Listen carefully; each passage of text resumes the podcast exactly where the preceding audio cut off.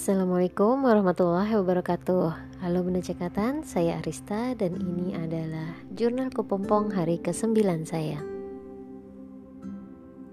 Gak banyak yang bisa saya ceritakan di hari ini Karena seperti yang sudah saya katakan tadi Bahwa saya memutuskan untuk melakukan break, melakukan tantangan Mau gak mau terpaksa.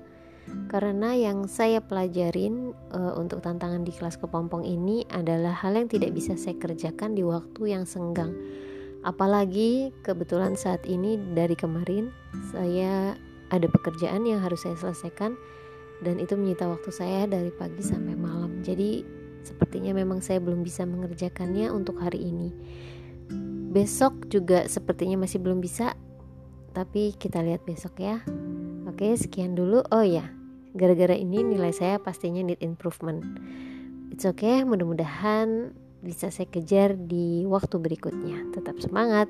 Assalamualaikum warahmatullahi wabarakatuh. Bye bye